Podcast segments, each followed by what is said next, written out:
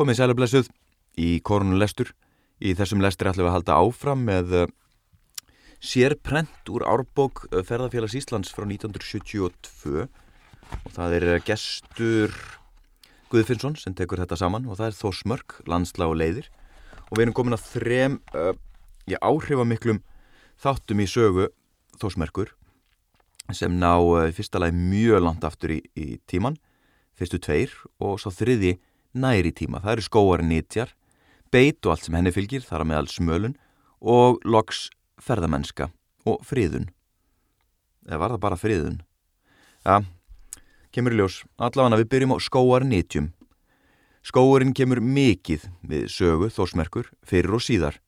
Þó er þess hverki beinlinni sketið í eldstu skráðum heimildum um þósmörk að þar hafi verið skólendi. Þess er heldur ekki að vænta Eginleira náttúrulýsinga gætir gíkja mikið í fornreitum okkar. Aftur á móti luma ör nefnin oft og einatt á ímiskunar vittnesku um sérkennin landslagsins. Nöfnin svo þors mörg og markar fljót sem sjálfsagt eru með eldstu örnefnum á þessum slóðum gefa til dæmis ákveðna vísbendingum skó í markarfljót stalnum sem vafalöst hefur aðalega verið byrki þá eins og nú. Skóa í Þórsmörk er fyrst getið í njálu og svo í Sturlungu, þar sem sagt er frá deilum þeirra Þorðar Andriðssonar og Gísurar Jarls. Veitti Jarli betur, en Þorð reið östr undan og var í skóum Þórsmörk. Þá var víða rænt á rángarvöllum og drepin nýju týjir nöyta um haustið.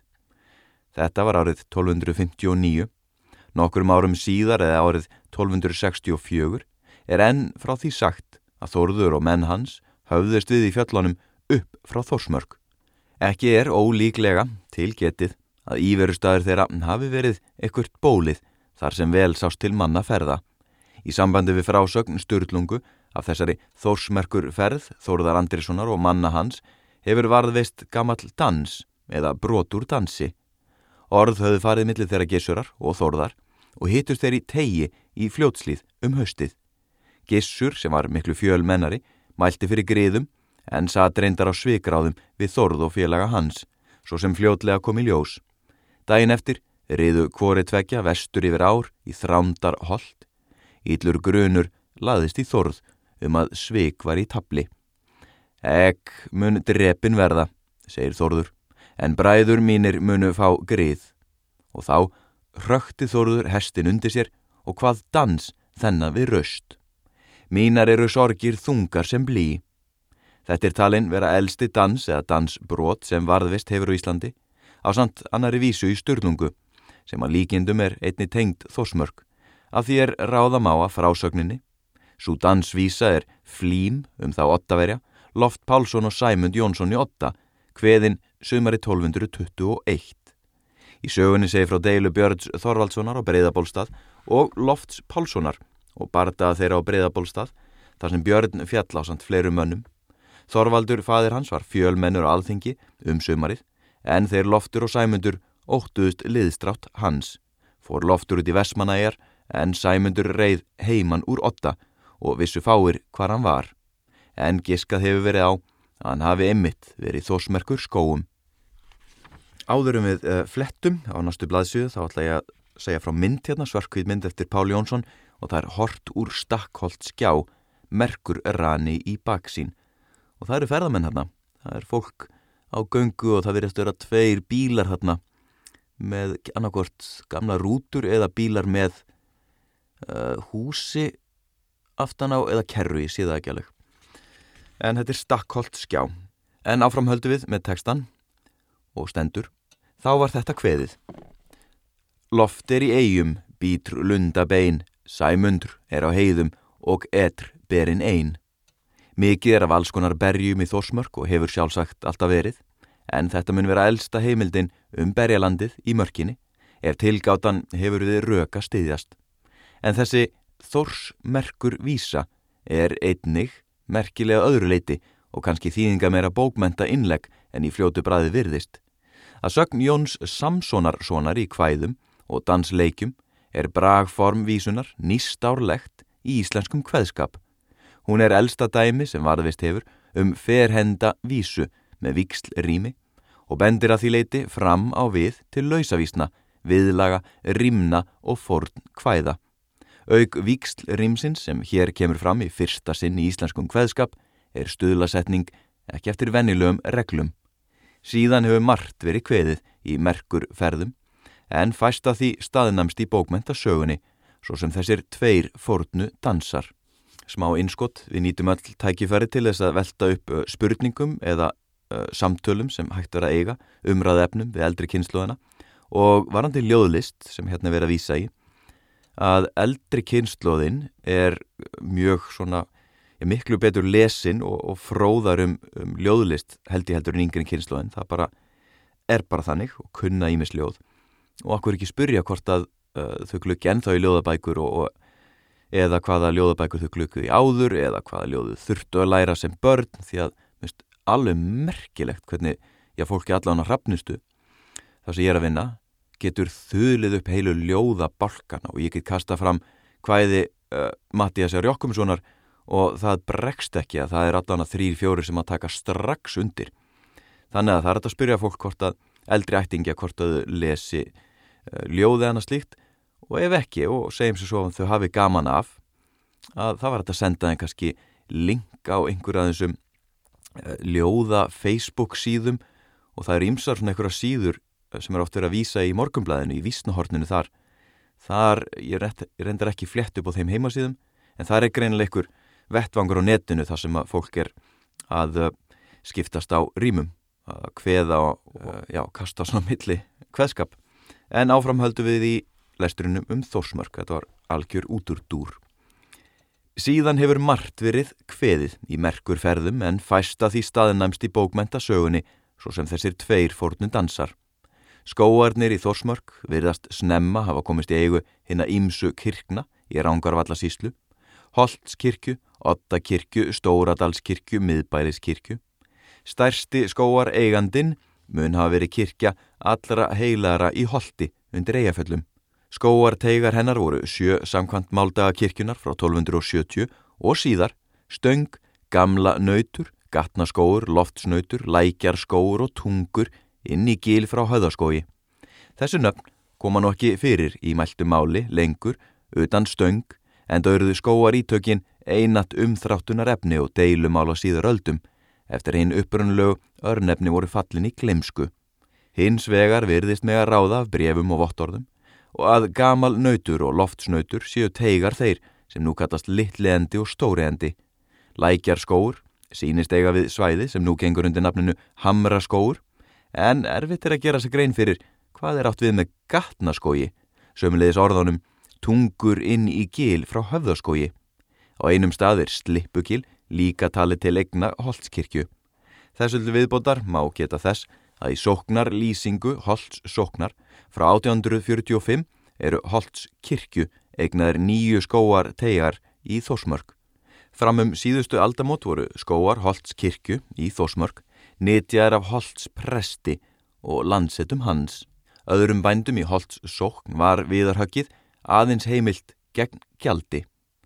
Í máldögum Nikolásar kirkju í 8 á Rángarvöllum finnst þess aðeins getið að hún eigi enn skóartegi þósmörk. Var hann í Engidal en hann er nú skólaus með öllu. Er hans fyrst getið í máldaga sem heimfærður er til ársins 1397 í fornbrefa sapni. Stóradals kirkja undir eigaföllum átti allan skó, sunnan við lækjar farvegin, sem liggur eftir miðjum húsadal. En fremur er henni eignaður skóar tegur sem kallar er sírteigur en vafileikur á hvar hann hafi verið. Miðbælis kirkju undir eigaföllum er í máldögum talin einn skóarteigur í Þórsmörk en ekki er vitað hvar hann hefur verið í mörkinni. Þá er heilæk í fljótslýð talið skóarítæk í Þórsmörk í jarðabók Árna Magnússonar og Páls Vítalín sem nú verður ekki brúkað því skóun er eittur af virkingu heldur annara en ábúanda þó fyrir engan betaling meiri dyrsku en fyrir leifi eiganda sökum fjarlæðar. Sömuleiðis eignar sér, segir að Tómas Sæmundsson, kirkjunni á breyðabólstað í fljótslýð, skóar ítök í Þósmörk, aug skóar ítaka og fjárbeitar á góðalandi. En á hún, þar að segja kirkjan á breyðabólstað, skóar tóft í langadal framaverðum, fyrir vestan í dalnum innað brekkum að hlýðarenda skói og fram á hálsin ítem skó í réttarfelli. Ítem litla skóartóft fyrir innan kíli upp undir jöklinum. Egi geta menn heldur frætt mig um hvar þessa ítaks sé að leita og af öllum þessum ítökum hefur brauðið, eins og nú er komið, ekki minnstu nót hvers vegna í æti þeir vorðið að kaupa við til kóla eða kól á landinu eða rángarvöllum. Goða landsafréttur tilherir brauðinu og er hann byggður austur eigafjallamönnum fyrir tvo vættir af fiski árlega. 40, 40 al, afsakið hérna, 40 al, þetta er skamstöðun einhverju sem ég veit ekki. Uh, við höldum áfram lesturinn, ég er vissum að einhver eitthvað uh, hrópan upp svarið eins og þetta væri útsvars þáttur. Aug framtalina ítaka áttu fljóts hlýðingar skóar ítök í Þórsmörk sem hér segir Jarðir allar í hlýðinni á undanskildum staðarjörðum, breyðabólstaðar og austur torfastöðum eiga skóar ítak í Þórsmörk. Einn hespurð fyrir hver 500 í ábílis jörðinni og líka beit fyrir eina kind. Beit svo alls án heikjafar er fyrir 200 kindur, breyðabólstaður í fljótslýð. Á hinnum afréttonum veriðast skóar ítök og beitar réttindi hafa farið saman, verið í eigu sömu aðila á hverjum stað. Skóarnir voru nýtjaðir aðalega á þrennanhátt til húsagerðar, kólagerðar og eldiviðar. En einni voru smíðaðir ímsir bús hlutir úr byrki, svo sem klifberar, rokkar, meisar og sköft á ímis smáverkfæri. Oft varð ágreiningur um skóar ítökin og spunnust að því deilur og mála ferli. Það kom líka fyrir að menn gerðust djarftækir og virtu líkt eignaréttin, en erfitt var um allt eftirlitt þarna inni á afréttonum. Að þessu er meðal annars vikið í henni skemmtilegu sögu af Hjalta Pálsinn á Rauðafelli undir eigafjöllum í þjóðsögum Jóns Árnasonar. Hjalti var hraustmenni, hið mesta, og djarffærin maður. Þá fóru menn í skó, bæði á Góðalandi og engum í Þorsmörk. Hjalti fór eitt sinn með þrjá hesta í taumi. Það var Þorleifur og hlýðarenda Magnússon í augri Jónssonar, höfðingi mikill og síslumadur. Hann laði blátt bann fyrir allt skóarhögg. Heyriði hann um för Hjalta og brá sér austur á Sælilandi og ætlaði að sitja fyrir Hjalta og ræna hann feng. Hjalta var borin njóstna þessari ætlun hans, varð það úrraði hans að draga sekkina upp bröttufönn og allt fram á jökul fyrir framann Góðaland let svo upp á hestana og flutti fram á Rauðafelli. Sendi Þorleifis og bóð. Vildi hann finna Hjalta Pálsson, þá er þann að breða sér austur á Rauðafelli. Eftir þetta var hann kallaður Kóla Hjalti. Víst má telja að markafljótsdalurinn hafa langmestu leiti verið skójivaksinn á landnáms öld.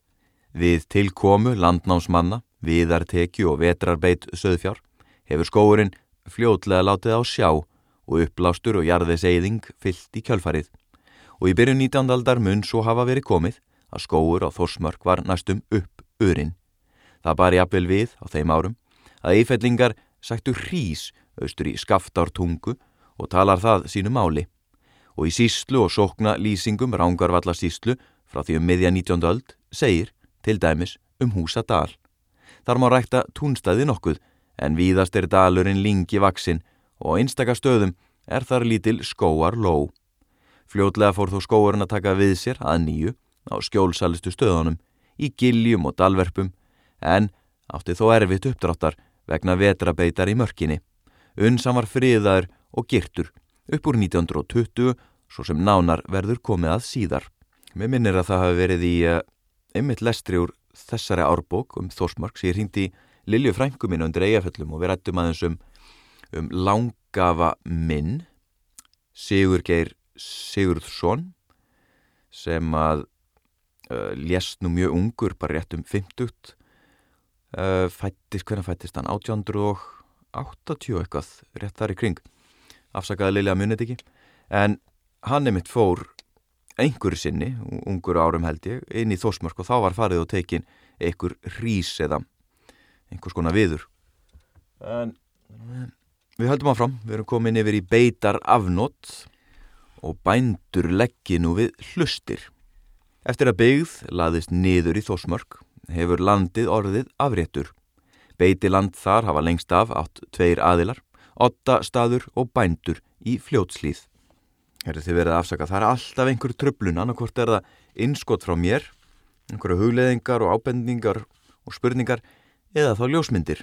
En uh, margar, eða sumar árbækurnar eru með þó nokkuð af ljósmyndum og hér er blanda af litmyndum og svarkveitum, þannig að það sem ég var að fara að fletta, fletta blaðsjónum, þá er uh, gríðalega falleg ljósmynd hérna sem heitir Á búðarhamri, tveir ungir menn sem siti hérna í, í lingi, það ekki, og lingu og svo eru nú ykkur byrkir runnar fyrir aftan, fyrir aftan þá og það er ljósmynd eftir Einar Þotn Guðjónsson.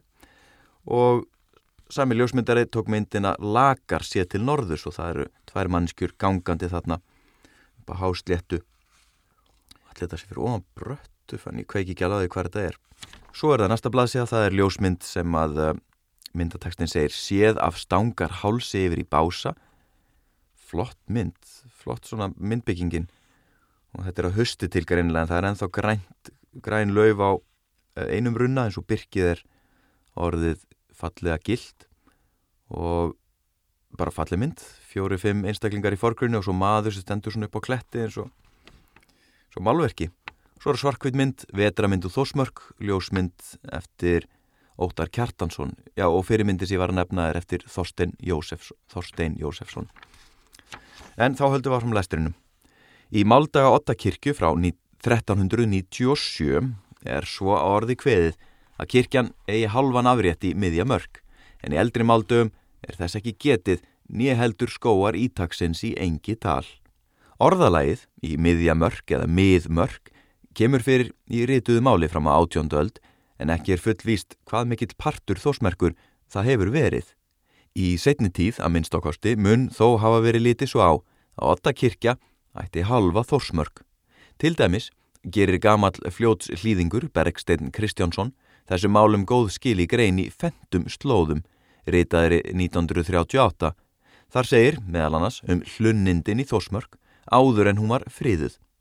Halv þórsmörk var eign 8 kirkju og höfðu fljótslýðingar þann part leiðan og guldu eftir hann 40 krónur ári.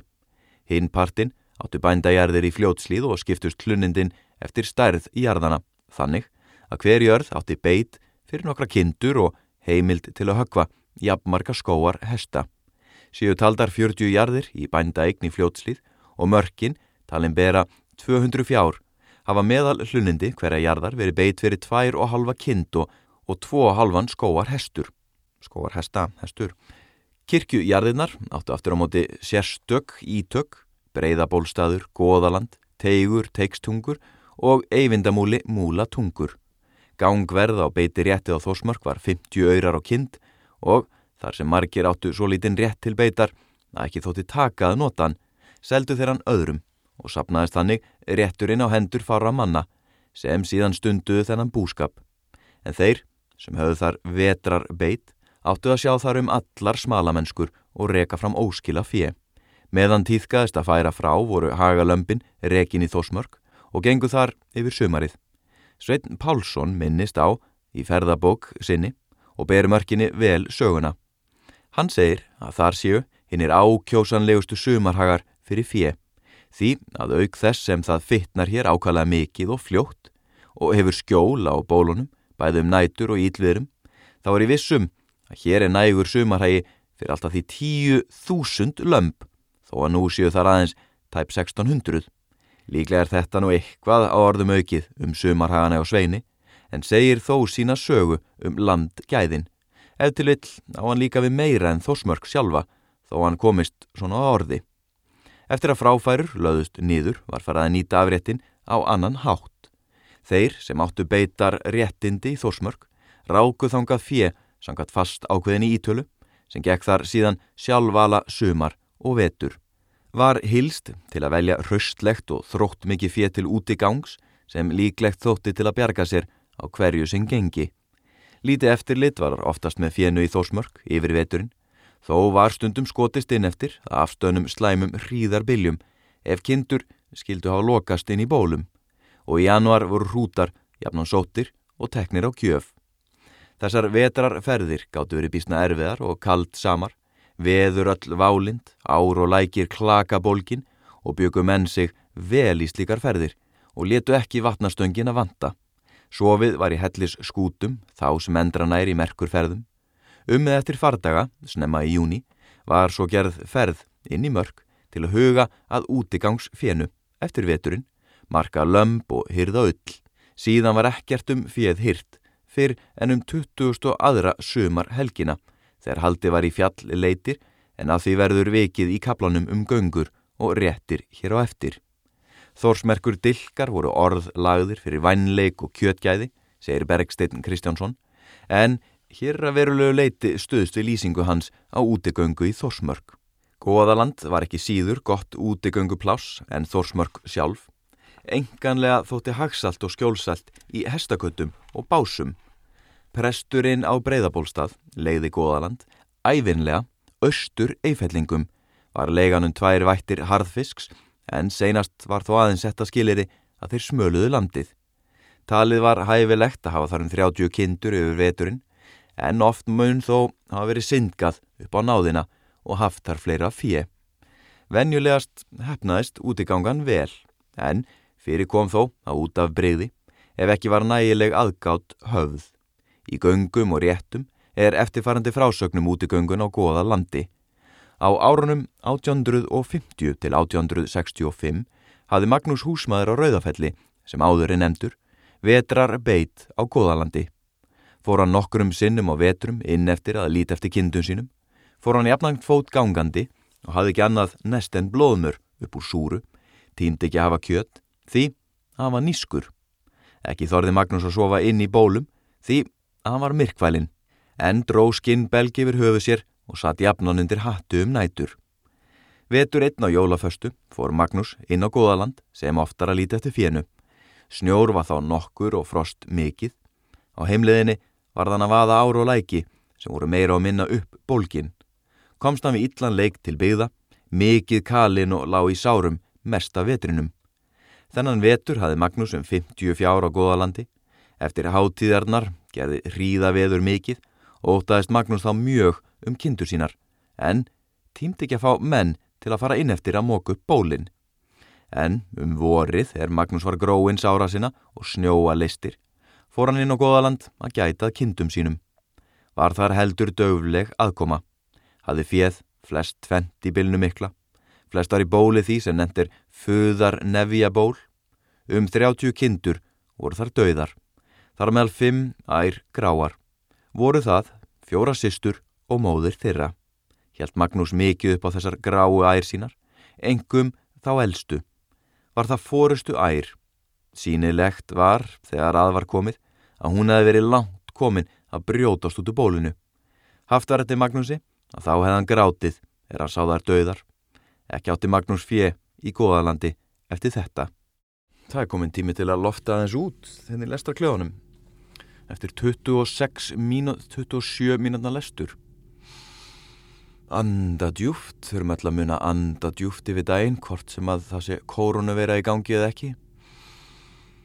Halda öndunni, góðri og djúbri, ekki ofanda, ekki nema þessi ykkur um Vim Hoff öndunaræðingum, annars bara anda djúft og reglulega. Það er vist múalega mikilvægt til að halda svona sönsum og anda djúft. Þannig morgunleikum á rafnustu eins og viðar og þar er stundum tekið svona áherslu á öndun var ekki hugleislega í útarpinu skipt út morgunleikum fyrir, fyrir svona eitthvað hugleislu og núvitund? Þetta helst vist allt í hendur. Gott að gera bara sittlítið á kóru en það var bara öndunin hérna. Í þessum innblæstri að fersku lofti. Og það erum við förum yfir í fjallleitir. Geispa tegja úr sér. Klóra sig í höstnum ef ég hef verið upp á þessum tíma átjóndrökk á myndi ég náttúrulega fá mér í nefi núna. Alltaf var ég alltaf að sjú upp í nefið. Rennandi tópakur nefinu en uh, það er nú ekki staðan núna. Við förum bara tópakslaus inn í fjallleitir. Fjallleitir eru ákvæmlega erfiðar á þósmörk og afréttonum sem að henni likja landið meira á minna sundur skorið af giljum og gljúrum sem seinfarið er um. Fjö getur viða leinst í kemum og krókum fyrir að vilja stansa og svelti ef svo ber undir. Tiltölulega marga leitamenn þarf því á afréttina. Í Þórsmörk sjálfri, sem er viðlendasti afrétturinn, var það ekki komist af með minn en átján leitar menn, að sögn Sveins Pálssonar. Hanna smöluðu fljóts hlýðingar. Var riðiðinn að búðarhamri fyrsta daginn og gist þar, en morgun eftir, strax og söðuljóst var orðið, heldum enn innundir krossár jökul, þar sem skipt var í göngur og afrétturinn síðan smalaður fram. Fljóts hlýðingar smöluðu líka teikstungur og múlatungur. Réttað var í fjár réttinni við réttar nef, sunnan við Valanhúk, en gist í Valanhúks bóli. Allur útbúnaður og aðbúnaður í göngum var auðvitað í samræmi við getu og lífsvenjur hverju sinni og þar að leiðandi frumstæður og fátaglur á nútíma mæli kvarða. Þó var, jafnðan, slátrað svo kullu leitar lampi og kjöt og slátur af því haft í nestið og svo náttúrulega fjallpelin með dálítilli brjóst byrtu til að hýrga sig á. Í bólonu var fátt til þæginda. Gangna mennirnir sem komu misjaflega til reyka og smala mennskunni hreyðiruðu um sig á beru helliskólfinu með reyðtíðin undir höfði og gæru skins bleðil ofan á sér og kveiktu kannski sprekum til að ilja sér við. Dálítil ólju týraða lísis lampi var það næja til lýsingar í bólinu. Samt sem aður voru göngurnar, æfinlega eftir sóttar og til þeirra hlakkað og endurminningarnar úr þessum kaldsömu haustferðum rifjar upp á góðri stundu. Vestur eifellingar smöluðu almenninga Framan af þurfti átján menn þar í göngur, auk fjögura með hesta gangnamanna, en síðan var smölunni breytt og gangnamönnum fækkað nokkuð. Fjár rétt og tjaldstaður var lengi í tungunni, millir ljósár og markar fljóts, eins og þegar hefur verið drepið á. Áður hafðu menn náttstað í almenningabóli í Fösk heiði. Eifellingar smöluðu líka afréttina sunnan krossár, austur eifellingar goðaland, en vestur eifellingar merkurtungur, stakkholt og steinsholt. Tilherði hver afréttur fyrir sig ákveðnum bæjum, bæðum beitar afnót og fjall skil. Góðalandsmenn lágu í kofa í strákagili, var hann hlaðin og grjóti og reft yfir með byrki hríslum. Þar var líka fjárrettin. Hvort tvekja er nú fallið, kofin og réttin, en sér þó fyrir hlæðslu. Stundum var sapnið rekið söður yfir jökulum fimmverðu háls ef veður leiði, en það er að minnst okkarstu þrefalt stittir leið en fara með byggð vestu fyrir. Leitar menn í merkur tungum og stakkholti lágu fyrir nóttina sem þeir voru á fjalli í helli í stakks hálsi innst í stakkholti en setni nóttina í fagra skóar bóli á samt steinholts mönnum. Skamt þar frá er réttin og var allt sapnið að þessum afréttum rekið þangað. Oft var glatt á hjalla í fagra skóar bóli en ekki löst við reymleika að sögn gamalla manna. Fjallkongur var skipaður á hvern afrétt, raðaði hann leitar mönnum niður og stjórnaði smalamennskunni öðru leiti og var einvalds herra í sínu umdæmi. Smölun afréttana tók venilega þrjá daga frá því leitar menn fórað heiman og þanga til þeir komið til byggða aftur, en fyrir gatt komið að það tæki lengri tíma ef veður eða vatnavextir töfðu leitar menn. Framann skráð fjallskila lýsing er nokkur áratöga gömul og á ekki við lengur nema litlu leiti. Smala mennsku og réttar haldi er nú hagað talsvert á annan veg en áður og leitar menn gista ekki lengur í kofum, tjöldum eða bólum, heldur eiga náttstaði sæluhúsi ferðarfélagsins í Langadal. Jæja, þá eru við komin að já, þriðja kabla, allavega þrýr punktur og það er friðin og skórækt. Þetta eru mikil viðbriðið að tíma mót í sögu þórsmerkur. Við setningu skórættarlagana árið 1907 var hafist handa um friðun skóa og skóar leifa viðsverum landið. Einn þeirra staða sem skórættamenn töldu hvað nöðsynlegasta friða var Þorsmörk. Eins og áður segir var skóur þar mjög ítla farin vegna skóarhags og ofbeitar, engum þó útigangs á veturum. Blásturinn herjaði landið og sífælt gekk á gróður torfurnar og afréttunum. Skórætti ríkisins leitaði hófana hjá eigendum og umráðandum þórsmerkur um friðun afréttar landsins og eftir nokkurt þóf náðist samkominlag um friðun og girðingu ákveðins svæðis, þó ekki allrar merkurinnar. Var síðan fljótlega hafist handa og friðunasvæði girt árið 1924. Liggur girðingin utan við húsadal um valanhúk þveran og yfir í réttarfell hjá Kvannárgils kjafti. Er merkur ranin, þannig allur, utan gerðingar, en Þórsmörk aður leiti mestmægnis innan hennar, svo og teikstungur, múlatungur og goða land. Aftur á móti hefur skóratin lítið sem ekkert sint trjárækt eða uppgræðslu í Þórsmörk enn sem komið er. Ef frá er talin gróðursetning nokkura trjáplantna í stóra enda og langadal, en farfuglar hafa planta talsverða bartrjám í slipugili með samþyggi skóraternar. Það leikur ekki á tveim tungum að friðun Þórsmörkur hefur komið að miklu gagni, engum þó að teki var alveg fyrir útigang á afréttonum. Skóurinn hefur vaksið og breyðst út, annar gróður sömuleiðis, en þrátt fyrir skórattargeringuna leitar söðfi alltaf meira og minna í þórsmörk að sumalagi og uppblástur og jarðveiseyðing herjar ennþá fast á ýmsum stöðum, bæð á þórsmörk sjálfri og nágrana afréttunum. Og næst er það um, já, nýjasta viðbótin svona í sögu þórsmörkur og það eru ferðalög í þórsmörk. Ferðalögi þórsmörk eru auðvitað jafn gömul landnáminu og eftir að byggð laðist þar niður. Ok, vandrað þetta fyrsta setningin segir þetta að ferðalög svo jafn gömul landnáminu. Ég átti nú freka við sko ferðalög eins og í ferðamennsku. Uh, túrismin skemmtiferðir. Jájá, en ég breyti ekki tekstunum ferðalögi þórsmörk eru auðvitað jafn gömul landnáminu og eftir að byggð laðist þar niður hafa menn átt erindi þangað áfram að högva skó og smala fjö, vor og höst.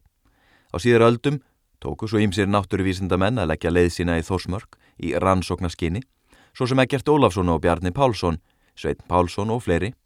En það er ekki fyrir nú miða síðustöld sem fólk fer almennt að ferðast ángað til náttúru skoðunar, dræmt í fyrstu en síðan í vaksandi mæli sérstaklega eftir að bílar komið til sögunar og agfært varðin í Þórsmörk. Ég get svo svara, uh, mér, mér er farað, mig er farað að gruna ég sé búin að lesa þetta uh, áður í fyrri lestri mínum úr þessari árbók. Bom, bom, bom, þetta er hættan við það þegar að uh, árbækurnir eru svona lesnar hinga á þanga, kvipin og kvapin, stungið niður hér og þar og ég skráði nú ekki hjá mér nákvæmlega hvaða blaðsýr ég, ég las en eitthvað með finnst mér, finnst mér ég að lesi þessa setningu. Diggir hlustendur núna segja náttúrulega að þetta var í sjöönda lestri koronalesturs en sjálfur lesarin, kjánin sá, hann veit ekki hvað hann er búin að lesa áður og, og hvað ekki. Þannig að við tökum sjansinn, höldum áfram, klárum allan þennan þetta hérna kapla. Hann er svona hlutið þessum fjórleik í þessum lestri. Það er skóarhögg, beit, fríðun og ferðalög. Aðaleiðin í Þósmörk hefur alltaf verið neðan úr beigðinni, úr innan verðri fljóts hlýð og frá stóru mörkum langanis og markafljóts og krossar öyra, en einnig fyrir á tímum af siðri fjallabaks vegi um emstrur og almenninga. Strax í njálu er geti fjallabaks leiðarnar í Þósmörk, en hún hefur lítið verið farin á hestum í setni tíð, enda torfar á köplum, engum yfir siðri emstru á sem helst verður að fara á jökli. Þá má geta fjallvegarins yfir fimmverðháls sem eifellingar fór oft með fjárrekstra vor og haust til að stitta sér leið, en fráleitt hefur nokkur tíma verið fjölfærin á hestum. Svo leið var þó farin ríðandi fyrir nokkrum árum og höfðu þá reyndar verið högvinn þrep í Móbergs klöppina vestan í heljar kampi, þar sem erfiðast var fyrir hestan að fóta sig. Aðrar örugar heimildir eru ekki um hestaferðir, þessa leið, nema hvað tvævætt trippi fannst engu tíma á góðalandi sem flækstaði yfir fimmöruðháls og einhvern veginn rammað á færa leið niður á foldirnar undir heiðarhorni. Hugsanlegt er þó að greiðar leið hafi verið um heljar kamp meðan jöklar og hjarnfannir lágu meira á þessum slóðum en nú gerist og hestagötur heitir hlýðin í austanverðu goðalandi sem getur bent til þess að þarna hafi einhver tíman verið farið á hestum ef til villi sambandi við fjár rekstrana. Þess má geta að þegar hlína tók og jökulfanniðnar leisti af hálsinum fundust þar rétjur af hesti, járningahamar og fleira sem bendi til umferðar. Um bílveg í Þórsmörk er í raun og veru ekki und að tala í fleirtölu. Eina akvara leiðin er langa nes leiðin, þó hefur verið ekki á fjallabílum af siðri fjallabagsvegi niður í Þórsmörk, bæði vestan og austan markarfljóts. Einu sinni hvora leið fyrir sig, en það er sannast sagna engin ökuleið, engum eru vassföllin erfið viðfangs á þessum slóðum en vassföllin hafa reynda reytni verið erfið alla tíð á leiðin inn í Þósmörk, úr fljótslíð og frá stóru mörk. Markar fljót var auðvitað verst í faratalmin, þangað til það var brúað. Fyldar menn voru þótt fengnir í fljótslíðinni og voru þar ágættir vatnamenn, til dæmis á barkarstöðum og áttu trausta hesta. Fljótið var riðið á ýmsum stöðum. Fyrsta bílferði í Þósmörk mun hafa verið farin árið 1934 og var þó ekkið í Húsadal. Síðar var svo einnig farið aka í Langadal. Hefur nú verið ruttur sæmilega, akfær vegur alla leiðin eftir, sem þó er ekki færin um að fjalla bílum. Helstu torfærinar á Þósmerku leiðinni eru nú árnar, Jökulsá, Steinholtsá, Kvanna og Krossá, sem ekki eru við eina fjöluna feldar, flæmast sitt á hvaða maurana og er ekki að henda reyður og strömlagi eða botlægi nema fyrir þá sem hafa sæmilegt vatna vit. Ég vennu á skjótin, ég man eftir að hafa hirt sögur svona leðsögumennskunni að uh, einstaklingar sem voru ekkert með mjög mikla reynslu hafa verið sendir inn eftir á einhverjum uh, stórum jeppum uh, án þess að vera neynir vatna menn. Menn svona klóruðus eitthvað með fram úr þessu held ég í flestum tilfellum en auðvitað held ég að lang, lang, lang flestir sem að leggja leiðsinn inn í þossmörk og sérstaklega í fólksflutningum séu nú orðnir mjög vanir. Þetta eru rútubílstörar og jeppa, jeppabílstörar sem eru alveg ótrúlega flinkir í að lesa í uh, aðstæður og, og árnar og ef það kemur eitthvað upp á þá eru þetta oft svona einstaklingar sem að bara klóra sér fram úr í, finna lausnir og, og, og retta sér. Það er alveg ótrúlegt þetta, þetta element í sumum og sérstaklega þessum svona jeppaköllum, alveg þyrmir yfir með þessi tilhugsun að vera ykkur jeppakall stattur upp á hálendiðin í þósmörk og svo bara brotna drif og ég veit ekki hvað og, eða þarna, þetta ekki fyrir að felgun eða ég veit ekki hvað svona getur gerst í þessum, í þessum jeppaheimi. En svona einstaklingar sem bara annarkort í allána reyna eftir fremsta megni að, að retta sér og, og tekst oft vel til. En þetta var nú út úr dúr. Ég varð bara svona skjóta smá tribut tribut inn í þetta. Lengi framan af gistu ferðamenn í tjöldum. En árið 1954 verða þáttaskil. Herru, ég er búin að lesa þetta. Ég byggst innilegra afsökunar. Þetta er tvítekning. Ég er búin að lesa þennan, þennan einstaka kabla er þetta ófyrirgevanlegt? Nei, veistu hvað, þetta er halblað séttur, ég klára þetta bara. Þið kannski hafa ekkert heyrt fyrir lesturinn Lengi framann af gistu ferðamenn í tjöldum en árið 1954 verða þáttaskil í sögu þórsmerkur sem ferðamanna staðar. Það ár hefst ferðafélag Íslands handa um byggingu sæluhús í Langadal. Skakkfjörðs skála að fengnu leifi skórata ríkisins sem síðan hefur verið notað til gistingar þó jáfnframt sé alltaf notast við tjöld meir og minna í sumar ferðalöfum. Við byggingu sæluhúsins ekst ferðamannaströymurinn í þórsmörk til mikill að muna Ferðafélagið tekur upp fastar áallunaferðir, þangað um helgar, setna er svo bætt við miðugudarsferðum. Jafnframt er fólki gefinn kostur á dvöl í mörkinni, milli ferða, eftir því sem hverjum hendar.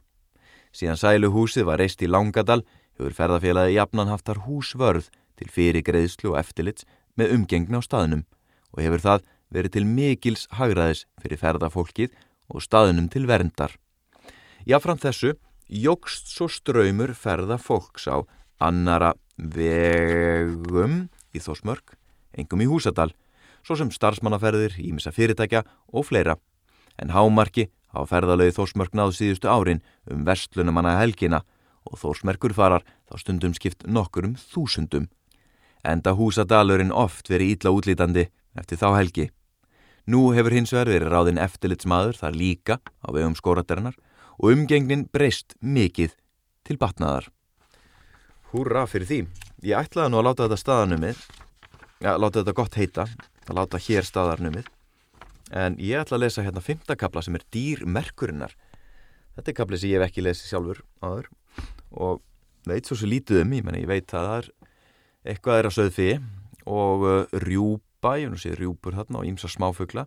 Við skulum sjá hvort það kom eitthvað annað upp úr þessum lestri. Því líku fróðleiku fyrir leiðsögumenn sem að bara geta vonandi nýtt tíman núna í að halda fram að fræða sig ennþá, ennþá meira.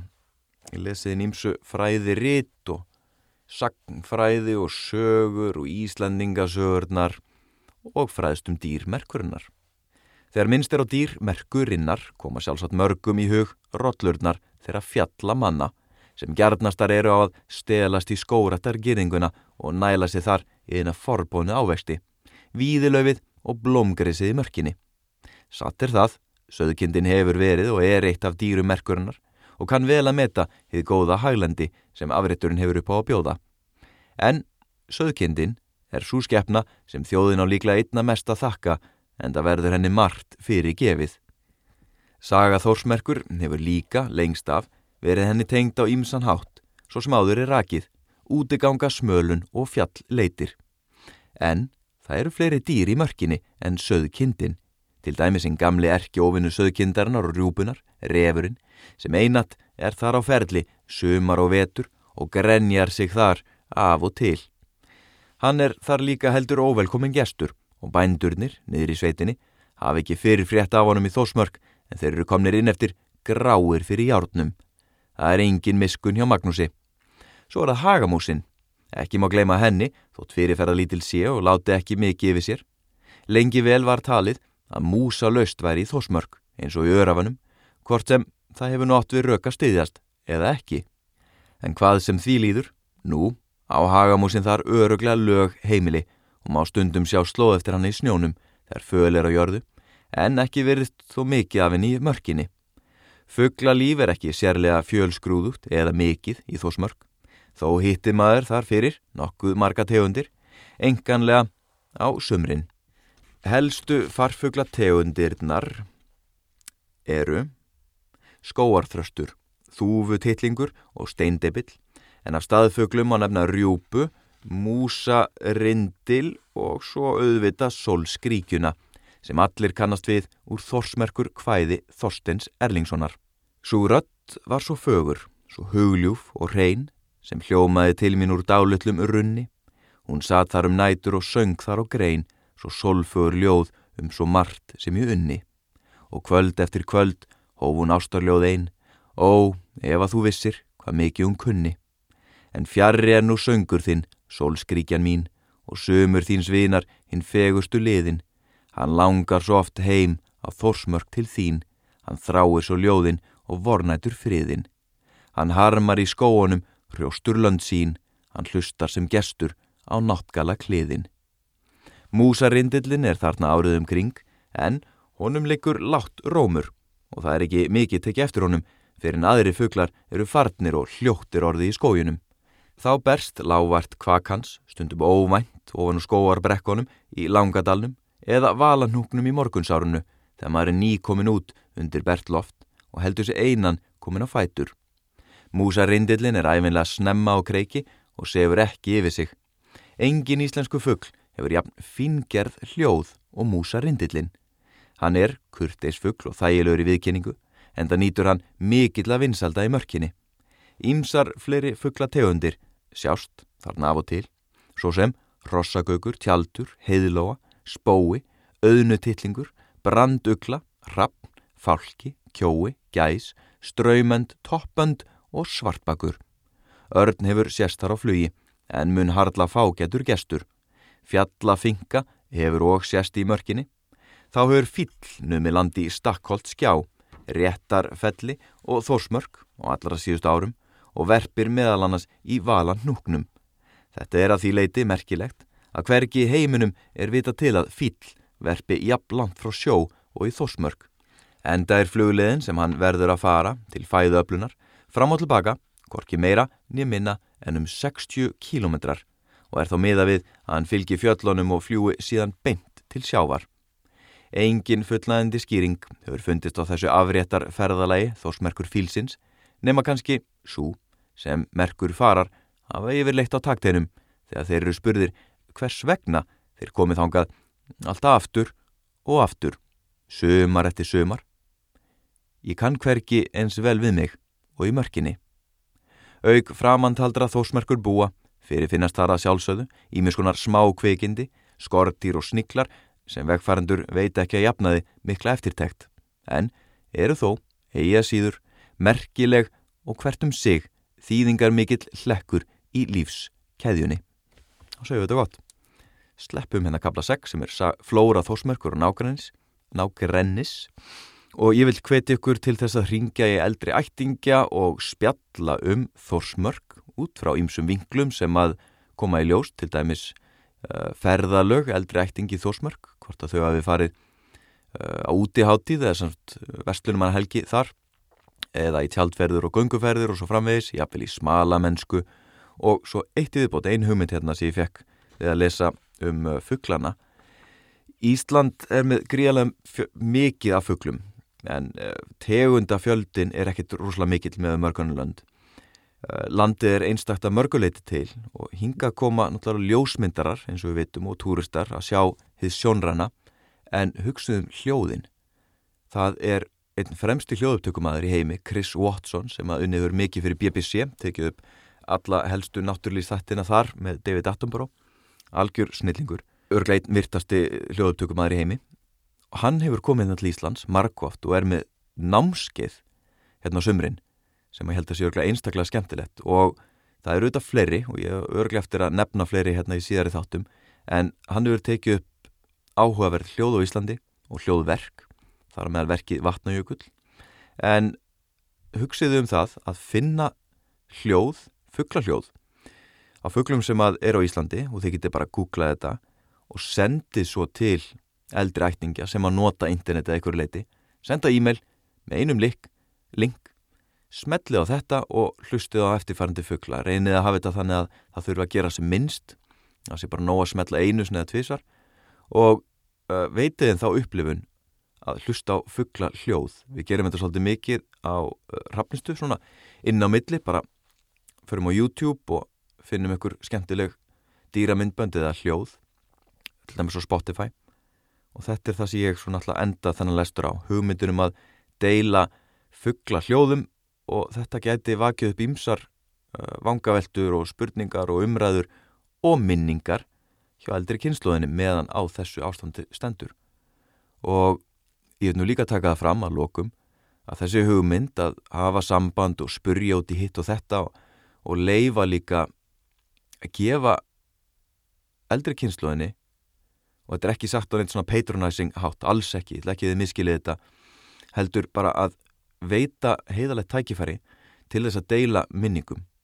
Þetta heldur sé eitt að því dýrmætasta sem hægt er því að öll fyrir nú í gröfina án peninga og án neins.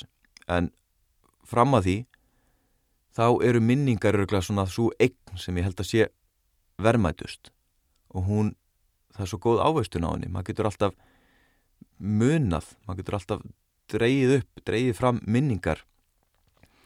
Og þar sem ég vinn til dæmis á dagdeild fyrir, uh, fyrir einstaklinga með heilabilun að þá getur þá getur spurningunum hvar veskið þetta er hún getur alveg sko ringlaði rugglaði í rýminu en minningar frá því þú varst ungur ung eru alveg bara ljóslifandi. Þannig að það að draga fram þessar minningar og gefa fólki kost á að draga fram þessar gersemar, þessar dýrgrip, þetta eru skargripir lífsokkar, að fá tækifæri til þess að draga þær fram og sína öðrum með því að minnast þeirra er ómeitanlegt og það kemur ekkert annað út úr þessu lestri heldur en það að einn nokkri einstaklingar gefi eldri ættingum tækifæri til þess að deila minningum sem kannski kom ekkert fram í svona almennu spjalli og ég veit, núna, núna er ég fann að draga þetta langin, ég veit að mörg ekkar auðvitað í mjög góð og frjó samtöl veldræktingi og rættum all, allt millir heima og geima og fortíðin og annars líkt